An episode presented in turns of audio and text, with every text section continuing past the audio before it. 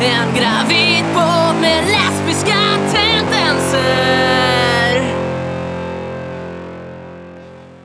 Hej och välkommen till ett nytt avsnitt av Lesbisk gravidpodd med mig, Anna-Karin Nockoff. Det här avsnittet är sponsrat av fantastiska Gorilla Sports. Mer om dem om en liten stund.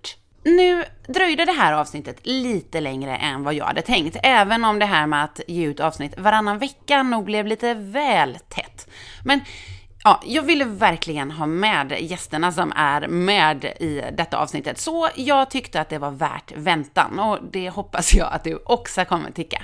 För i det här avsnittet så medverkar nämligen Anna Reinhold Landeus som är personlig tränare och Jenny Liljefors som är yogalärare. Vi ska alltså snacka träning. För vissa så är träning allt. För vissa så är det något som man har ett totalt ointresse för. Men träning är ju bra. Det kanske vi kan komma överens om ändå. Och hur ska man då tänka och förhålla sig till eh, träning när det kommer till fertilitet, graviditet och efter förlossning? Ja, det ska vi prata om idag.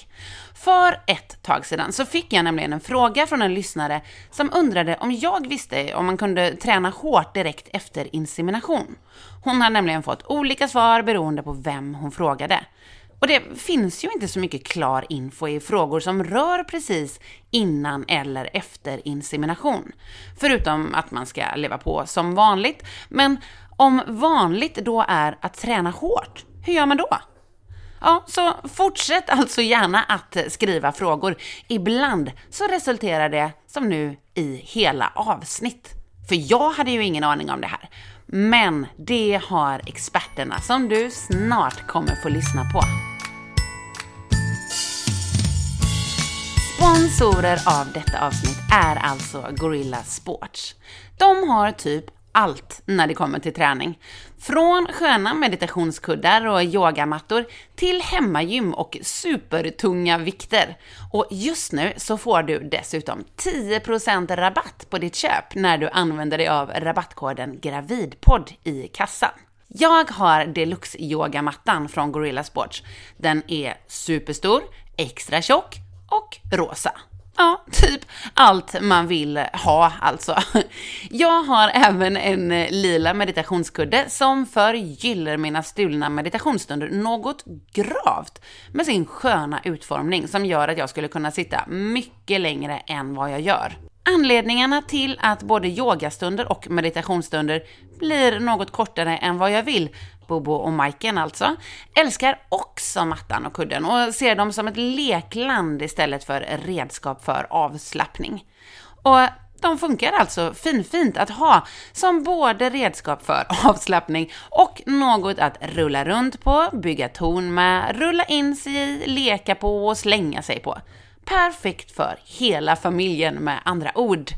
Och vill du se mer av min familjs nya favoritsaker så spana in på Lesbisk gravidpods Instagram och köp dina egna på gorillasports.com med rabattkoden gravidpodd för 10% rabatt på ditt köp. Första gästen ut är Anna Reinhold Landeus. Hon är kvinnocoach och personlig tränare med expertis om kvinnokroppen. Hon jobbar med helheten och har alltså även fokus på den mentala biten. Hon tror på det här med att kropp och själ hör ihop, vilket är genomgående för hela avsnittet också skulle jag säga. Och Anna brinner för kvinnors hälsa och välmående. Hej Anna! Hej! Hej! Välkommen till Lesbisk gravidpodd! Tack så jättemycket. Det ska bli så kul att ha med dig här nu och prata lite mer om träning och då ja, framförallt liksom runt eh, fertilitet och innan och efter mm. insemination i IVF. Men jag undrar, hur kom du in på att eh, specialisera dig på träning för kvinnor? Ja, men jag började jobba 2007 med eh, träning och då som gruppträningsinstruktör på ett gym. Sen var det faktiskt så att jag efter mitt andra barn hade en ganska traumatisk eh, förlossning som slutade i ett kejsarsnitt, vilket gjorde att jag fick eh, problem efteråt. Och så fortsatte jag att träna men lyssnade inte direkt på kroppen och eh, kände bara att nej, men det är någonting som inte känns rätt i min kropp. Och så läste jag på massor om det och då fanns det inte så jättemycket information om det. Men jag kände att jag verkligen ville fördjupa mig i det här för jag kände att det var ett stort problem att dels veta sig när man ska börja träna efter en förlossning och hur och vad man kan tänka på under graviditeten. Så, och då kände jag att jag hittade mitt kall. att, ah. oh men gud, det här, det här det hjälpte mig att ha kunskap om hur kroppen fungerar. Dels under en graviditet men också efter. Och då kände jag bara att nej, men det här vill jag jobba med och, och vara en del av att liksom få ut den här kunskapen. Så på den vägen är det. Sen har jag ju bara fortsatt att utbilda mig massor eh, och även ta det till senare delar av livet som kvinna under klimakteriet till exempel och så. Så att eh, jag älskar det. Ja, oh, men oh, gud vad bra att du jobbar med det här för det är ju superviktigt. Mm, mm. Ja men verkligen. Verkligen. Och jag tror att det är just att när man har varit med om det själv ger ytterligare en dimension. Det är klart att man kan mm. jobba med det utan att ha varit med om något traumatiskt också. Men jag känner att jag fick en väldigt stor förståelse för eh, kvinnokroppen på ett helt annat plan. Ja, det förstår jag. Ja, den förförståelsen är väldigt viktig i det här. Verkligen. Men om man då går eh, rakt in på det. Vilka fördelar för fertiliteten finns det med att träna? Men vi kan säga så här då, rent generellt så hjälper det ju att uh, motionera. Alltså just för blodcirkulationen och hälsan i stort. Det är ju bra om man då vill optimera förutsättningarna att bli gravid. Sen är det ju så att jag, att jag tycker inte egentligen om att, att prata om vikt hos kvinnor. Men, men det man ser det är ju att både övervikt och undervikt till exempel kan bidra till att det är svårare att bli gravid. Mm. Så där är ju också en, en bra tanke att man har med sig det. Så jag, jag tror att det är en fördel att ha ett, ett okej okay levande, liksom. att vara fysiskt aktiv och ha en bra kost och sådär. Men inte bara för de som vill bli gravida egentligen, utan för alla. Så, ja. så att egentligen skulle jag vilja säga att det är, det är samma fördelar som det är för oss allihop. Men, men jag tycker inte heller att man ska förminska vikten av det. Men Nej. att hitta den här balansen. Jag tror jättemycket på det. Ja. Finns det någon specifik träningsform som stärker fertiliteten? Alltså, Nej, egentligen inte vad man har sett. Och, och, nu vill jag liksom vara tydlig med att säga att det finns relativt lite eh, forskning och studier kring det här. Och så är det generellt när det kommer till kvinnohälsa, tyvärr. Mm. Eh, längre har vi inte kommit 2021.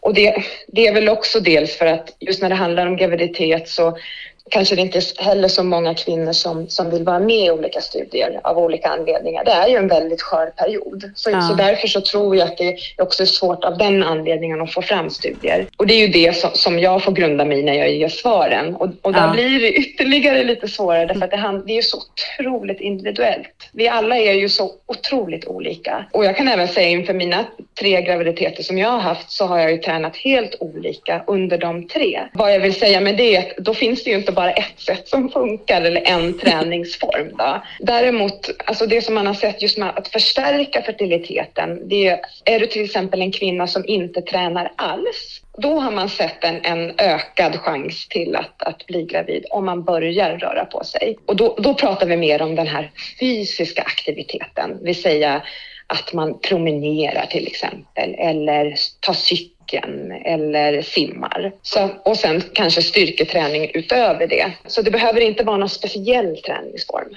Bara att man gör det? Snarare. Att man rör sig, ja precis. Ja. Men sen kan man ju också se att de som det finns en studie som många har utgått ifrån och det är där jag tror att det kommer ifrån det här till exempel att man inte ska träna hårt till exempel. Mm. Eh, för det finns en studie som man använts av från 2006 till exempel där de hade sett då att kvinnor som tränade tungt och vad, vad de hade utgått från tungt det var att man tränade upp till två timmar om dagen i tre, fyra gånger i veckan och de hade haft svårare att få till en IVF.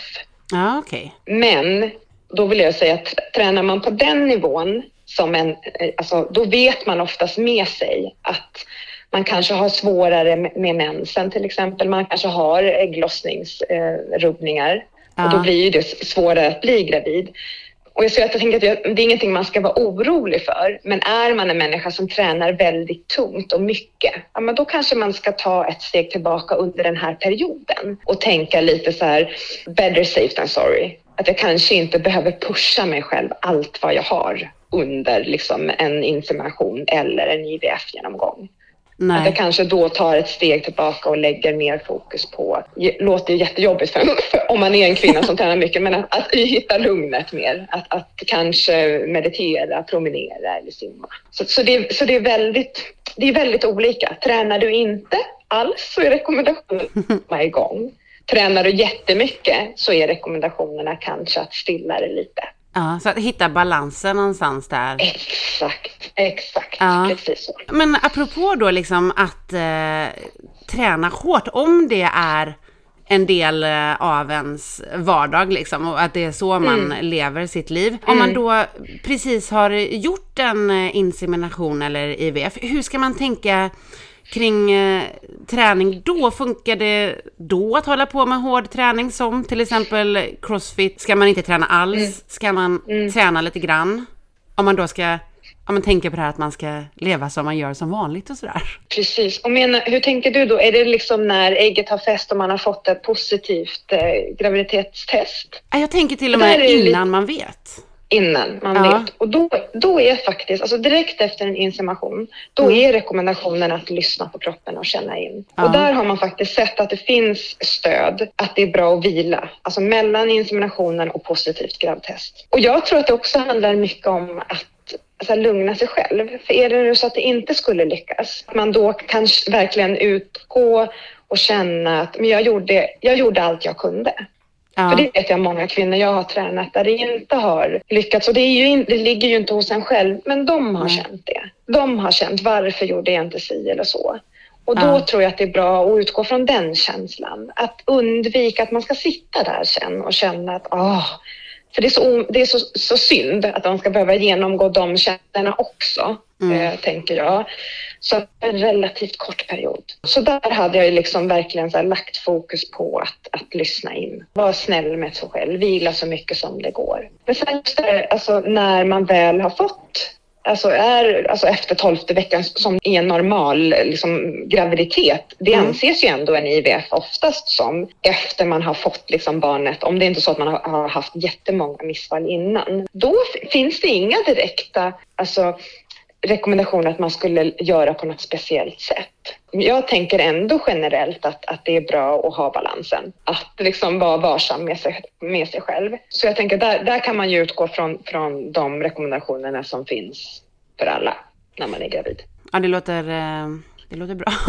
Men ja, finns det några liksom så här officiella risker med att träna, ja men dels innan man har fått eh, ett besked och sen mm. ja, men i början av graviditeten, typ att man kan stöta ut ägget eller blastocysten eller vilket stadie man är i. Nej, inte direkt som man har sett att man skulle kunna längre fram i graviditeten skapa ett missfall. Nej. Men däremot alltså från inseminationen fram till ett positivt gravtest, där har man sett att det är bra för kroppen att vila. Ja. Och då behöver det inte vara sängliggande.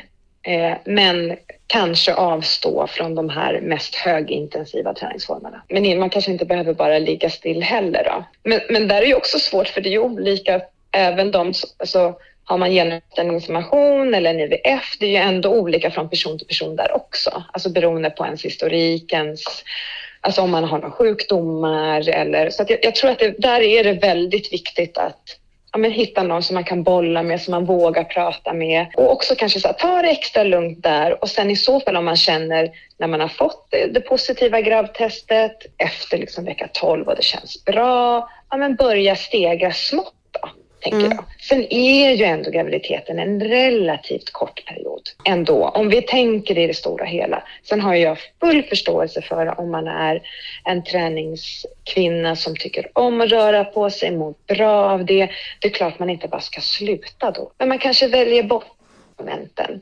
Och det, så tänker jag ju med alla egentligen oavsett elitidrottare eller vanlig inom situationstecken motionär. Eh, och det är ju mer också för de fysiologiska sakerna som händer under en graviditet som alla genomgår. Om vi backar ett steg till eh, innan eh, insemination eller IVF är gjord. Ja. När man då ja, men alldeles strax ska göra en insemination eller IVF och kanske inte är en människa som har tränat eh, mycket innan och så och kommer på liksom att bara oj nej gud nu händer det här jättesnart. Mm, Eh, Finns det något man kan göra i lite så här sista minuten för att öka chanserna? Nej, inte mer än det jag redan har sagt. Att, att så här, rent generellt hålla igång liksom med, med en motion. Alltså, och då kan det ju vara så här, men promenera då. Ta Ja. promenader eller, och det är ju bättre än inget. Alltså, norm, egentligen så säger vi att 150 till 300 minuter i veckan är det generella rådet för alla. Och Ja. då är det den här fysiska rörelsen, det vill säga promenad, simning eller cykling. Och Ja. fysisk träning är en annan sak, men att, att bara hålla igång. Så man kanske inte bara ska sitta ner då, men att då Nej. ta några extra promenader kanske eller ta fram ett gummiband och få igång blodcirkulationen. Det ser jag inte att det skulle förvärra på något vis, utan snarare förbättra. Men sen om det förbättrar chanserna att bli gravid, där, men det kan jag inte uttala mig om. Men Nej. i alla fall rent emotionellt för känslan, tänker jag. Absolut. Mm. Så även om det är en vecka kvar så kan man i alla fall testa med att eh, börja röra på sig lite mer. Ja, ja. Ja. men det tror jag faktiskt. För jag tror också så här, nu har jag inga belägg för det Anna-Karin, men jag Nej. tänker så här, att om man känner in sin kropp och känner sin kropp och är med sin kropp, tar ner känslan ner i hela kroppen ända ner till fötterna, då är det ju också lättare att känna efter. Och nu säger jag inte att man då skulle känna efter om man kan bli gravid, det är inte så jag menar. Men, jag tror, men att man i alla fall då, om man är i sin kropp och känner sin kropp, då blir det ju mer balans där också. Att man är i, i det som händer på något vis. För jag tror att, att det som är bland det största, förutom att man då såklart har världens största önskan att bli gravid, det är ju också den psykiska påfrestningen. Ja. Och jag, jag, jag tror att det är jätteviktigt att våga prata mer om den också. Det här att inte bli gravid till exempel på en gång, det är ju jättestressigt. Mm. Och att då lägga på ett krav att man ska börja träna. För, för fysisk träning är ju också en stress på kroppen. Så att jag tänker att det är så otroligt viktigt att ha den här balansen. Lära känna sin kropp, vara i kroppen, tillåta alla känslor som kommer. Sen är det självklart att det är bra med fysisk aktivitet och rörelse. Men också hitta balansen att våga vara i det som händer. Låter det vettigt? Eller låter Det låter väldigt flummig? vettigt faktiskt. Ja, Det- så lite så tänker jag. Mm. Om man har hittat balansen mentalt och Mm. fysiskt, vilket ju kan vara extremt svårt såklart. Ja, absolut. För sen är det ju också så att när man väl är gravid sen så är det ju Alltså något jag lägger stort fokus på, och det kan man ju använda sig av innan också, det är ju just alltså att kunna ge, liksom vara i sin kropp. Och jag menar, har man börjat med det redan innan och sen blir du gravid, då kan du ju fortsätta använda dig av det under förlossningen också. Ja. Så, att, så jag tänker att det är ju aldrig fel att förbereda sig oavsett. Det är ju inte så att om, om det jag förbereder mig för kommer jag inte ha användning av i livet ändå. Men det har man ju. Hur hade du, alltså, tränade du eller så under din graviditet? Under graviditeten så gick jag på gravidyoga och annars så var det Mm. väl mest eh, nej, men promenader. Men tyckte du att det var skönt? Liksom? För gravidyoga är ju jättebra. Ja, ja det var väldigt skönt. Det, ja, det, ja, det kändes bra. Det rekommenderar jag varmt. Mm, mm. Men för, vad gäller annars med träning under tiden som man är gravid? Du tänker rekommendationerna rent generellt för gravida? Ja, och du, förut så sa du ju att eh, man kan efter vecka 12 börja träna och så, men är det liksom något särskilt man ska tänka på? Men alltså just varför jag säger efter vecka 12 är också för att inte för att det skulle vara någon fara egentligen, men man vill ju vara lite varsam just om man har gjort en insemination eller IVF Mm. fram liksom till positivt och sen rent Alltså generellt, det är jättemånga kvinnor som mår dåligt den första trimestern, alltså de första 12 veckorna. Eh, man, man blir kanske lite extra trött eller känner yrsel, mår illa. Vissa kan få lågt blodtryck. Och det är ju inget farligt. Det är ju bara för att vi, det händer så otroligt mycket hormonellt första trimestern så man kan få som ett påslag av det. Och det brukar lägga sig lite efter vecka 12 för vissa. Och för vissa andra kan det hålla i sig längre. Och därför brukar jag generellt säga, men lyssna på det. Alltså första 12 veckorna, ta det lugnt vila, liksom, känn efter, boosta din kropp liksom, om graviditeten. Men sen efter det, då kan man ju börja träna igen om man nu känner att man är en träningsmänniska eller man vill träna under graviditeten. Ja. Och då tycker jag att det är bra att lägga fokus ja, men dels på de här promenaderna och då, då ska det ju inte vara att du prom- promenerar in absurdum heller utan ja, men alltså en halvtimme eller 20 minuter. Lite så. Mm. Eh, kanske ta cykeln om du är van att cykla. Och just när det kommer till styrketräningen, den tycker jag ju är, är jättebra. Det är ju främst det jag jobbar med och sen avslappning och så också. Men just därför att styrketräningen, att stärka kroppen under graviditeten är jättebra. Eftersom att ju, ju liksom större magen blir så får vi en förändrad kroppshållning. Och att man då Ja. håller igång och stärker musklerna, ryggen och sånt så att man bär upp sin kropp kan göra att, att det minskar med typ ländryggsbesvär och, och andra problem som kan komma. Och det tycker jag är jättepositivt. Och då brukar man väl säga att man kan ligga, och nu pratar jag rent generellt för dem, alltså en vanlig motionär. Och då kan man säga att man kan styrketräna två, tre gånger i veckan. Och där kan man ju då använda sig om det är svårt att veta. Dels om man är någon som tränar väldigt tungt eller någon som inte har tränat alls. Då kan man ju använda andningen som ett verktyg på hur tungt det ska vara. Så att man ska använda sig av något som heter walk and talk-tänket. Det vill säga att jag skulle kunna träna samtidigt som jag pratar med dig nu. Så länge jag pratar, då syresätter jag min kropp på ett bra sätt. Ah. Däremot om jag börjar bli så pass ansträngd att jag måste hålla min andning, alltså hålla, hålla andetaget, då är man uppe och nosar på där det är lite för tungt för en graviditet. Ah, vad bra förhållningsgrej som man har med sig hela tiden också. Automatiskt. Alltså, ja, men alltså det, ja, för det är verkligen superenkelt. Ja, Och då handlar det liksom dels för att hålla igång blodcirkulationen men också för trycket ner, att det inte blir för stort buktryck ner. Och det är Mm. framförallt för bäckenbotten så att man inte ska ge en onödig belastning på bäckenbotten som redan får en ganska tung belastning under vår graviditet. Så, så det är ett toppen sätt att, att, att tänka. ah, vad bra. En så bra vägledning. Ja, men, Men, bra. Toppen. ja, och och sen då när, när bebisen har kommit ut, eller bebisarna, Mm. har du Mm. något tips på um, när det kommer till träning då? Men alltså för det första så skulle jag vilja att vi alla inkluderade en, eh, en fjärde trimester. Där, där det liksom är att man ger sig själv tid och bara landa. Jag skulle önska att vi Mm. bodde i ett, ett samhälle där vi hade mer communities. Där det var mer att när man väl har fått sitt barn så är det mer att ja, men jag är hemma med mitt barn. Jag kanske ligger liksom i sängen och matar eller ammar, hur jag väljer att göra och jag blir omhändertagen och liksom buren. Det vill säga att folk kommer med mat om de nu ska komma. Mm. Att det inte blir som det har varit och tro, som det är mycket. Och jag, jag har varit där själv och jag möter det liksom dagligen i mitt jobb också. Att den här, det är ett otroligt krav. Det, det ligger liksom där outsagt på något vis. Att även om man kan känna att nej, men nu ska jag bara ta hand om mig och bebis och liksom växa i den här nya rollen som mamma. Så är det ändå någon kommer på besök och vips så har man stått där och bakat en kaka. Eller man åtminstone det här städar lite extra. Eller bara att man känner det här kravet att man ska föra sig på ett visst sätt. Ja. Så jag tror, jag önskar så att vi hade bara både rent fysiskt för kroppen, att få återhämta sig, eh, för det behöver den göra, men också psykiskt och Mm. mentalt. Att man får landa i sig själv.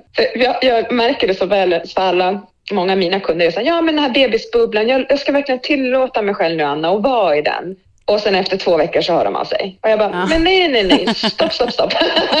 Bebisbubblan är kvar. den är kvar, den är kvar, den ska vara lite längre.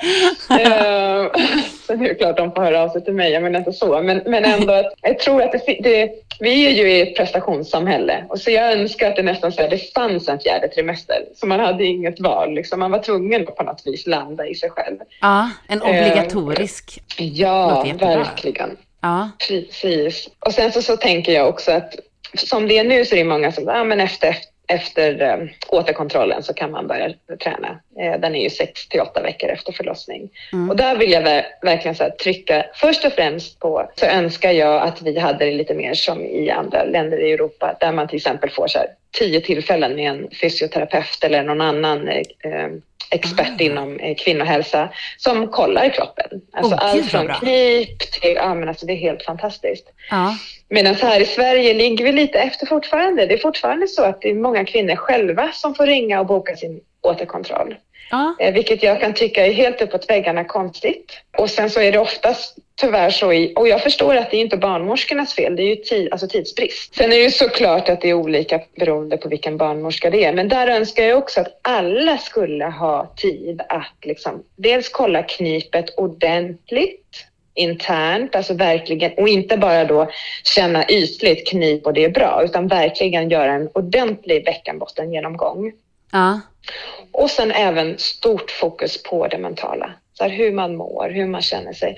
Och oftast upplever jag i alla fall, jag vet inte om du kan känna igen också, men 6 till 8 veckor, då är jag fortfarande ganska hög.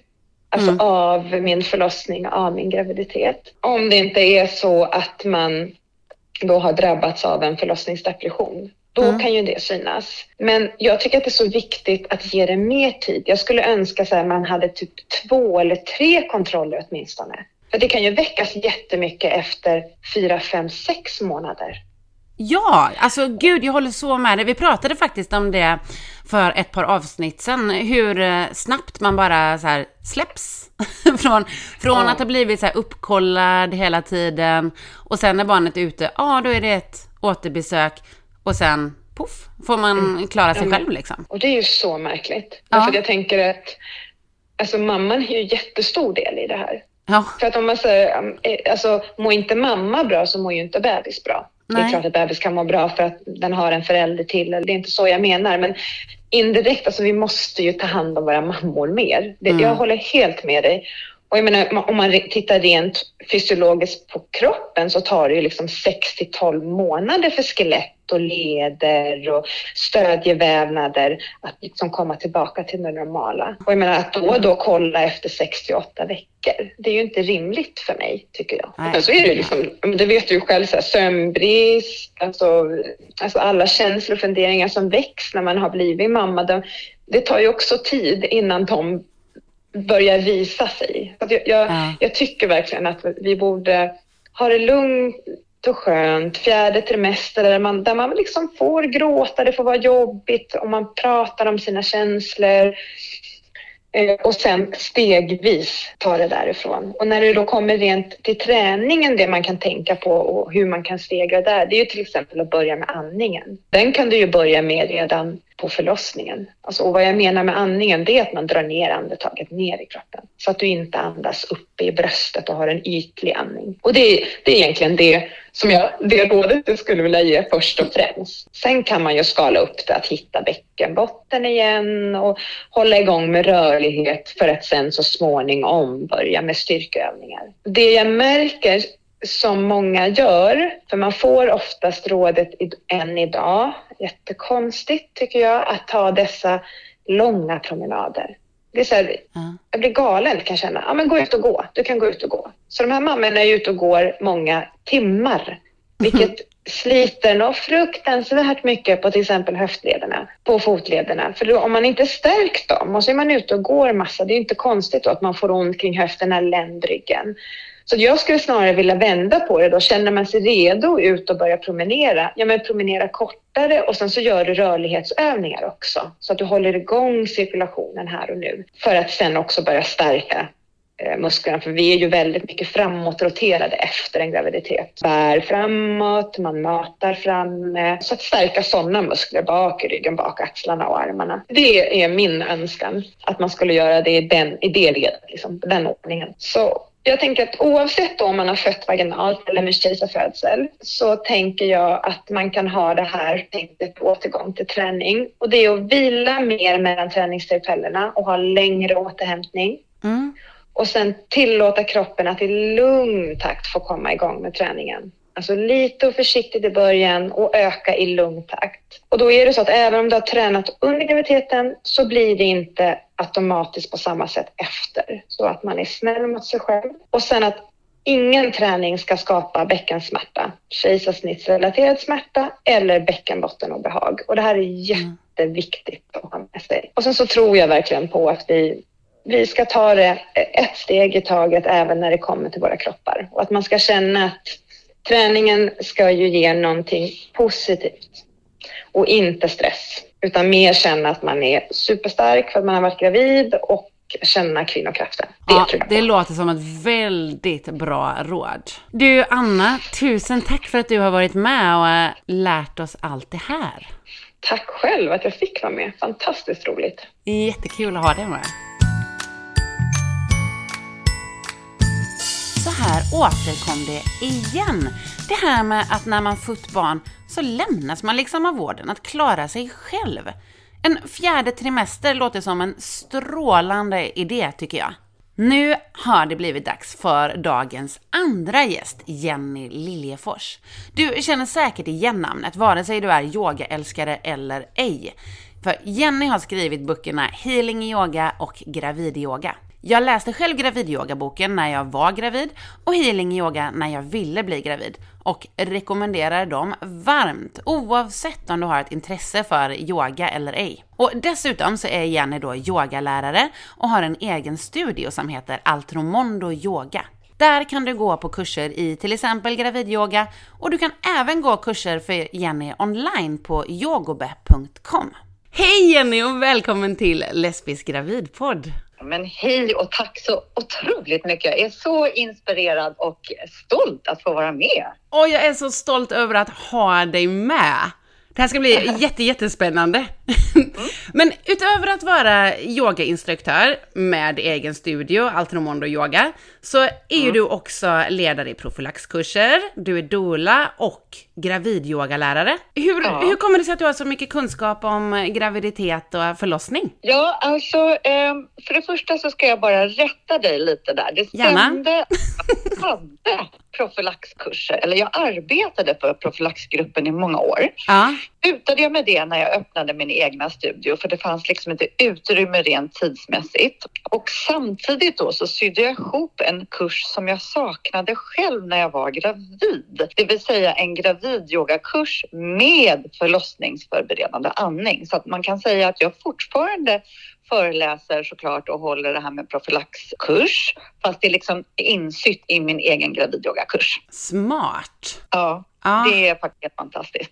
Och hur det kommer sig att jag har kunskap inom ämnet, det är ju för att jag behövde först för privat bruk skaffa mig all den här kunskapen när jag blev gravid för första gången. Min äldsta dotter föddes 2002 i oktober och jag behövde bädda riktigt mjukt eftersom jag har varit med om ett sexuellt trauma i unga år och det började klättra liksom upp Mm. emot hjärtat inombords eh, och jag kände att det här måste jag liksom hantera för att inte hamna i någon slags panikångest under förlossningen. Så att jag gick på gravidyogakurs, jag gick på profylaxkurs, men jag har en man som har varit väldigt supportive. Jag hade förlossningsförberedande samtal med barnmorskan som jag själv fick be om och fick då också. Så att det ska man komma ihåg att ibland så måste man be om mycket själv. Mm.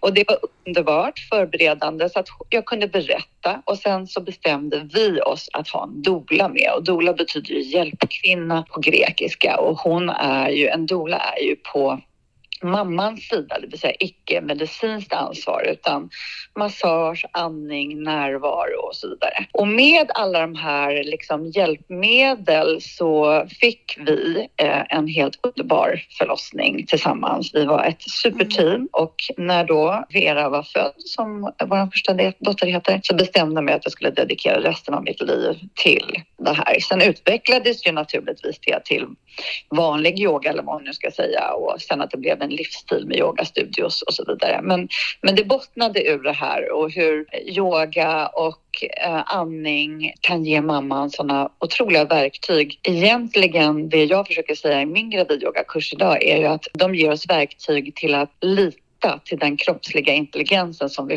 har. Att våga luta oss in i oss själva och bli mer intuitiva, känna in och lyssna in. Ibland så får vi nästan kanske lite för mycket medicinsk kunskap.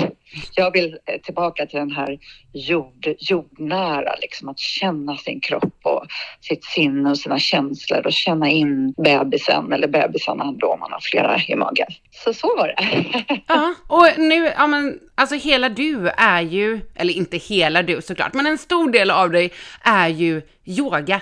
Och vilken tycker du är den främsta fördelen med yoga? Eh, Svårt ja, kan jag ju det- tänka mig, men... eh, Ja, nej men, eh, nej men det är inte så svårt. Jag, nej.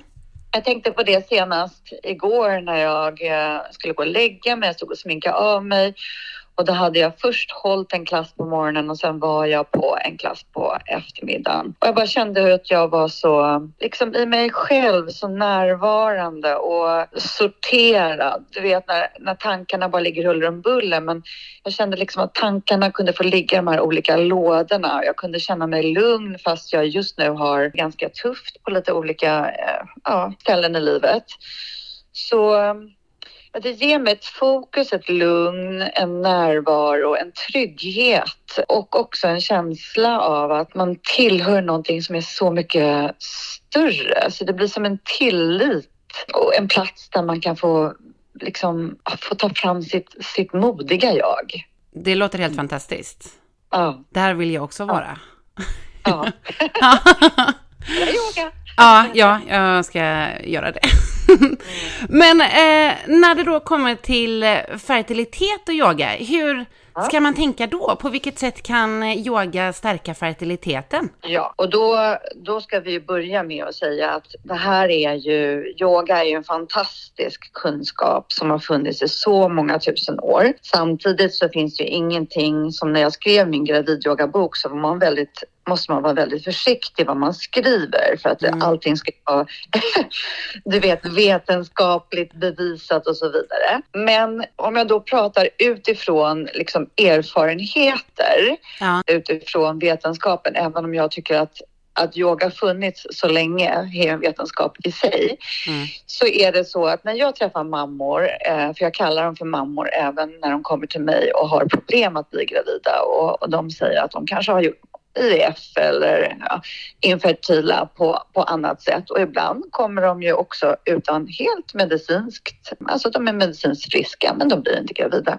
Nej. Det första jag tittar på då är stress stressen i kroppen. Många av oss lever ju liksom en ganska stressig eh, vardag och ibland så kanske man inte ens tänker på det. Så att ge sig tid till att stressa ner och eh, adressera stressen om man nu har den så att man kan få som ett utrymme eh, minst en timme om dagen till andning, till fysiska positioner, till ett lugn. Det gör ju att när stresshormonerna i kroppen sänks ner, när, när de här kan man säga alarmsystemen i kroppen sänks ner, då börjar våra system i kroppen fungera bättre, så som reproduktionssystemet och matsmältningssystemet. Det är de två systemen som först och väldigt snabbt slås ut när man börjar komma in i en superstress eller exempelvis posttraumatisk stress eh, och så vidare, eller man har varit med om ett trauma. Mm. För en, en stressad då kvinna ska liksom inom situationstecken inte bli gravid just nu för att hon kan inte hantera det. Och väldigt ofta så räcker det. Men det blir ju också en läxa. Man måste göra det varje dag. Liksom, att skapa mm. sig den här tiden. Och många, många gånger så hjälper det långt. Mm. Komma ner lite grann liksom? Komma ner i varv. Ja. Och eh, sänka eh, stresshormonerna i kroppen. Sen så finns det ju också särskilda positioner som ska öka fertiliteten. Hur fungerar de och hur kan man använda sig av dem? Så här, de här positionerna Många av de yogiska positionerna påverkar ju våra hormoner i kroppen och skapar en hormonell balans. Sedan så finns det många positioner som också gör att vi liksom mjuknar och öppnar upp i områden som blir väldigt tajta och återhållna när vi är stressade.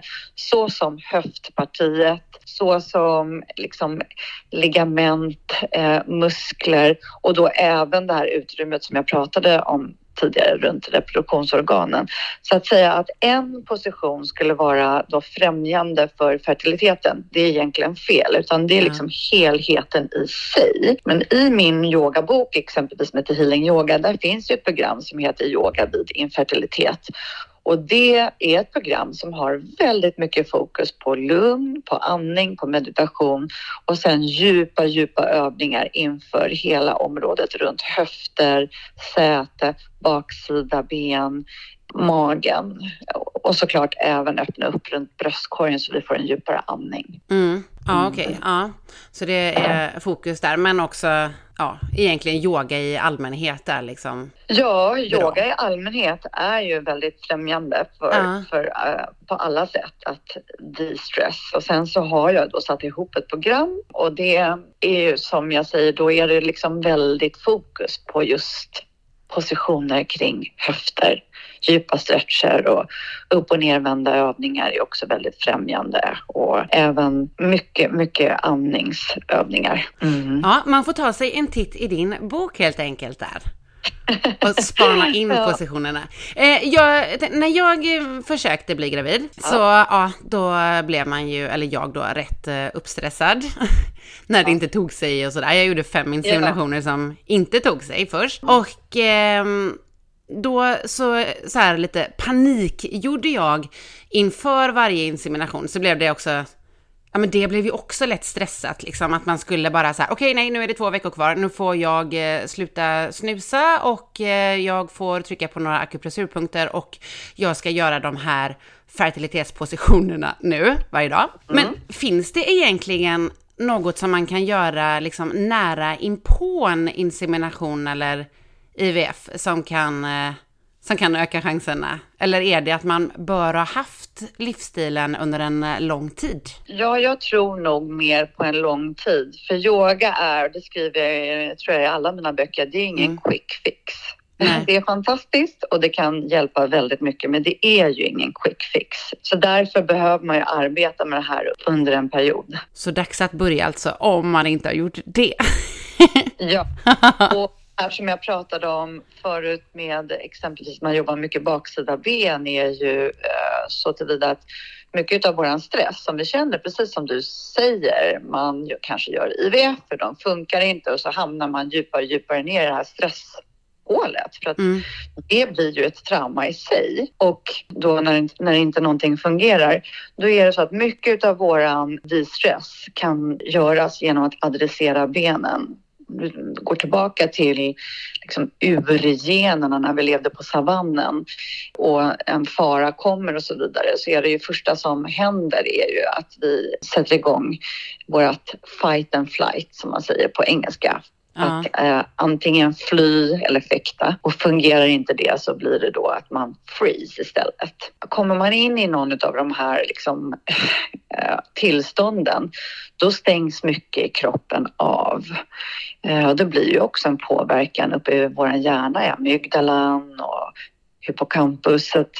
Ehm, det här handlar om att börja stänga av alarmsystemen, att börja adressera de stora muskelgrupperna, att börja eh, adressera andningen. Och där har ju benen väldigt mycket ja, fokus, mycket stress som sätter sig i benen. Jättebra att jobba med. Och jag har ju i det här då programmet exempelvis så börjar det med att man ligger ner och så ska man liksom rota in lårbenet in i kroppen så man känner att liksom man får en god linjering. Happy baby pose, det vill säga när man ligger på rygg, halva glada barnet. Så mycket handlar också om linjering och det har jag också skrivit om i boken. Den basen i yogan som jag arbetar med, Anusara yoga, där pratar vi om alignment och linjeringar och då finns det exempelvis inåtroterad, liksom, eller inåtrotation och utåtrotation. Och det här gör att vi får tillbaka höften över anklarna. Många av oss liksom har kanske en liten ja, lite dålig hållning, det vill säga när vi står eller när vi vilar eller står och hänger, liksom kanske när man står och lagar mat eller stryker, att höften åker långt, långt framåt om du tänker att man står upp. Mm. Och då skapar man en C-kurva i ryggen och så kompenserar man med axlarna framåt. Så det här handlar om att jobba med inåtrotation av eh, insida lår och sen en utåtrotation med att få in svanskotan lite ner handlar om att försöka få höften över eh, liksom anklarna igen och tillbaka och där kan organen mer bli vilande in i kroppen än hela tiden pressas framåt. Ja. Så att, det är svårt att förklara så här eh, bara med ord men eh, det är ganska, man tänker på det, intelligent tänkt att kroppen när den kommer ur linjering så börjar också våra, ja, våra system och fungerar mindre bra. Och jag tänker, eller jag kommer att tänka på nu bara med så här efter att man, om man har kämpat länge för att bli gravid, så Ja. sitter ju, det sätter sig ju i eh, kropp och själ liksom. Oh ja. Ja, och då även när man står där på andra sidan med en eh, bebis i eh, armarna så sitter det ju liksom kvar och det kan du ju göra rätt länge. Då kanske Ja. även, ja men, vad ska man säga, de positionerna som då ja, men är specifikt bra för fertilitet kanske även är bra för återhämtning. Ja, alltså eh, så här är det. Många utav de här position, positionerna är fantastiskt för återhämtning och det är otroligt viktigt att vi försöker få tid till återhämtning. Och är man ensam med sitt barn, ehm, det vill säga ensam vårdnadshavare, så våga be om hjälp. Våga be en, en, en familjemedlem eller en vän eller en kollega att ta hand om barnet en stund, en halvtimme, en timme och där kunna liksom jobba med andning, meditation, vila. Jag brukar säga till mina mammor, sov när barnet sover, även om det är mitt på dagen och strålande sol. Mm. För man vet aldrig när nästa vaknat kommer och så vidare. Sen är det många av de positionerna som vi gör när vi vill bli gravida är ju väldigt öppnande för höfterna. Man kanske sitter ner med benen brett isär och så vidare. När man ska läka, och det tar ju ganska lång tid för den fysiska kroppen att läka efter en förlossning, då är positionerna mer att man ska liksom, om man ska säga, inte gå så brett isär med benen utan mer att man gör höftöppnare och mer inåt eh, center. Så det, eh, det är några positioner som man faktiskt ska vara lite mer försiktig med efter man har varit gra- gravid. De som eh, går ut och de som är mest öppnande. Så lite mer liksom in emot center och att jobba med djupa stretcher men att inte vara för brett isär. Nej, jag förstår. Dra ihop sig lite grann igen. Ja.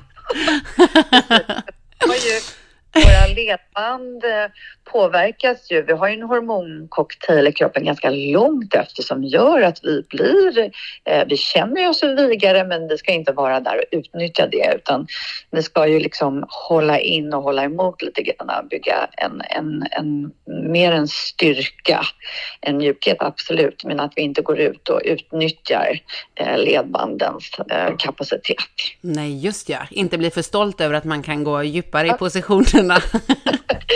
Exakt, det är därför när vi jobbar med vår gravidyoga att man gör varje övning kanske 60-70 procent, att vi inte går in 100 procent i en övning och utnyttjar max. Vi går inte in i yttre lägen och det gör man ju då inte heller efteråt. Nej, och därför kanske det kan vara extra bra att gå i en ledd gravidyogakurs då, så man inte sitter där och pushar sig mer än vad som Ja, kroppen bör. Det tror jag och, och har man inte tillgång till att göra det så finns det ju så mycket fint nu online. Eh, Mm. Det är ju någonting som eh, coronatiden har givit oss faktiskt tycker jag. Att det finns så mycket fin kunskap att hämta online. Och även då man inte har tillgång till online liksom, eh, så finns det ju böcker som Ja. man kan titta på och läsa positionerna och sedan göra några stycken i taget och sen läsa några och så göra så att man inte behöver hela tiden avbryta Nej. utan man hittar ett litet, eh, litet flöde en liten stund. Direkt efter en eh, insemination eller IVF, Mm. finns det, om man liksom då ska försöka särskilja, eller man ska säga, är det några positioner som är extra bra då? Eller liksom något som kan hjälpa ägget att fästa låter ju väldigt drastiskt, men som kan stödja att Ja. man blir gravid. Det här, är, det här blir ju liksom på något sätt svårt att svara på för att Ja. eh, det finns ju som jag säger igen inga vetenskapliga bevis och så vidare. Men en mamma då som har gjort någonting brukar jag alltid rekommendera eh, efter en insemination efter hon har varit på på liksom ett sånt här eh, besök och ja, behöver ta det lite lugnt en stund Mm. är ju att ligga med benen upp emot väggen. Och det är en av de mest klassiska positionerna även i återhämtning. Den heter på sanskrit Viparita Karani. Och då ligger man ju med ryggen på golvet och sen har man rumpan lite, lite lyft under någon kudde eller några filtar och sen benen vilandes upp emot väggen och där kan du egentligen ligga hur länge som det känns bra. Mm. Ja, okej, ja. Det låter ju som en bra position att... Ja, den är helt underbar. Ja, Helt underbar. ja den låter ju bra jämt egentligen också. Förutom sistperioden under en graviditet, för då ska du egentligen inte ligga på ryggen Nej. bara trycka på en kava. Så sista perioden där så, ehm, man kan ligga kanske lite i sängen och lite ha någonting som stöttar lite snett under ryggen så att du inte ligger helt på ryggen. Mm. Men det är en fantastisk position skulle jag säga. Ja. Och när man då är gravid, Mm. vilka är fördelarna med gravidyoga? Jag skulle säga att fördelarna med en gravidyoga är många. Dels så hjälper det oss att hålla en cirkulation i kroppen. Det hjälper oss exempelvis om vi har negativa effekter av graviditeten såsom illamående. Det hjälper oss liksom att bli av med eh, den känslan. Det finns många övningar som kan göra oss liksom mindre illamående. Det hjälper oss att hitta ett fokus fokus. Det eh, hjälper oss också att lyssna inåt som all yoga gör och därmed kan vi liksom få eh, närma oss och känna av den här spirituella bandet som vi redan har med vårt barn. Det som skapas redan när vi blir gravida. Att känna in vårt barn och skapa en dialog långt innan barnet har kommit in i våra händer. Sen hjälper det oss också att hålla muskler vitala, hjälper dem att hålla sig mjuka. Och vi kommer också i kontakt med små muskler som vi kanske inte har använt så mycket men som är viktiga för vår hållning under graviditeten, speciellt då senare skeden. Så att det går faktiskt att adressera muskulatur och väcka liksom eh, kontakt med de här musklerna. Så många av mina gravidyoga-elever brukar vittna om att jag har lite mer träningsverk och det har vi kommit åt att som vi faktiskt kanske inte annars använder. Och det ska vi säga att det är många som börjar med gravidyoga men aldrig gjort yoga förut. Så det är också ett väldigt speciellt sätt och många som fortsätter. Så eh, gravidyoga är en ja, fin ingång till att, till att sen kanske behålla yogan som ett redskap i sitt liv. Ja. Och sen är det ju naturligtvis då andningen, att förbättra andningen, fördjupa andningen. Det främjar ju inte bara oss utan också vårt barn. Och sen ja, hitta den här ja, verktygen till att medveten närvaro och meditation där du kan bli klar. Många blir ju lite mer i huvudet när man blir gravid, att man vill sortera liksom och man vill sortera ut både hem och vänner och relationer.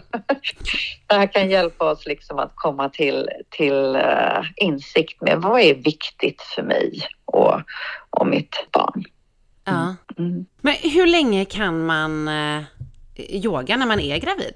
Kan man göra hela, hela vägen? Eller Jag skulle- man, ja. göra hela vägen och naturligtvis att man gör positionerna liksom med modifikationer och att man håller sig inom ramarna. Då, eh, gravidyoga handlar ju inte om att gå ut, som jag sagt till dig, ytterlägen eller göra eh, komplicerade positioner. Men många av mina gravidyoga-elever de eh, har ju åkt in direkt efter, efter en klass in till förlossningen och fött Oj. barn. Så du kan göra det hela vägen igenom graviditeten om du har då den, den fysiska liksom, möjligheten att göra det. En Ja. fysisk yoga. Annars kan vi göra yoga på många olika sätt också, det vill säga andning och meditation om man inte kan röra sig så mycket fysiskt. Nej. Oj också, åkt rakt in till förlossningen. ja. har du haft vatten som har gått på yogagolvet Det någon har gång? fortfarande inte hänt. Så vi får se. Vi får se. Ja. Ja, det kommer nog en premiär på det också säkert Ja. då. Det jag. brukar alltid säga det. Jag hoppas på det, för de, i alla fall på rätt ställe då eftersom jag, jag själv är ju doula. Så att, ja. Ja, just det. Det kanske är ett sätt att eh, så här, okej, när jag känner att det är på G, jag åker in till Jenny och så tänker man att man kan få med dig på hela förlossningsbiten. Vi får se. ja, precis. Men eh, kan man ha användning av eh, yoga för att underlätta vid förlossningen? Ja, det Mm. kan man. Utav positionerna som vi gör eh, så säger jag också till mamman att de här kan ni göra under förlossningen. Dels under själva verkarna, Mm. det vill säga att stå på alla fyra, att göra katten och kon, att cirkla kroppen i cirklar. Det är ju väldigt främjande under verken att vi arbetar med verken istället för mot den. Att vi rör oss i verken och andas i verken. Välkomna verken som en gåva, för den tar ju oss faktiskt närmare mötet med vårt barn. Om vi är helt stilla under verken och kanske andas dåligt och spänner kroppen, då kommer verken inte liksom få lika mycket effekt. Så att andas in i verken och röra sig med den i gungande mjuka rörelser. Så många av de här eh, positionerna hjälper oss under verken. Och sen under verkvilan så tycker jag att man kan blanda med att både röra sig men också att ta tillfället att faktiskt vila.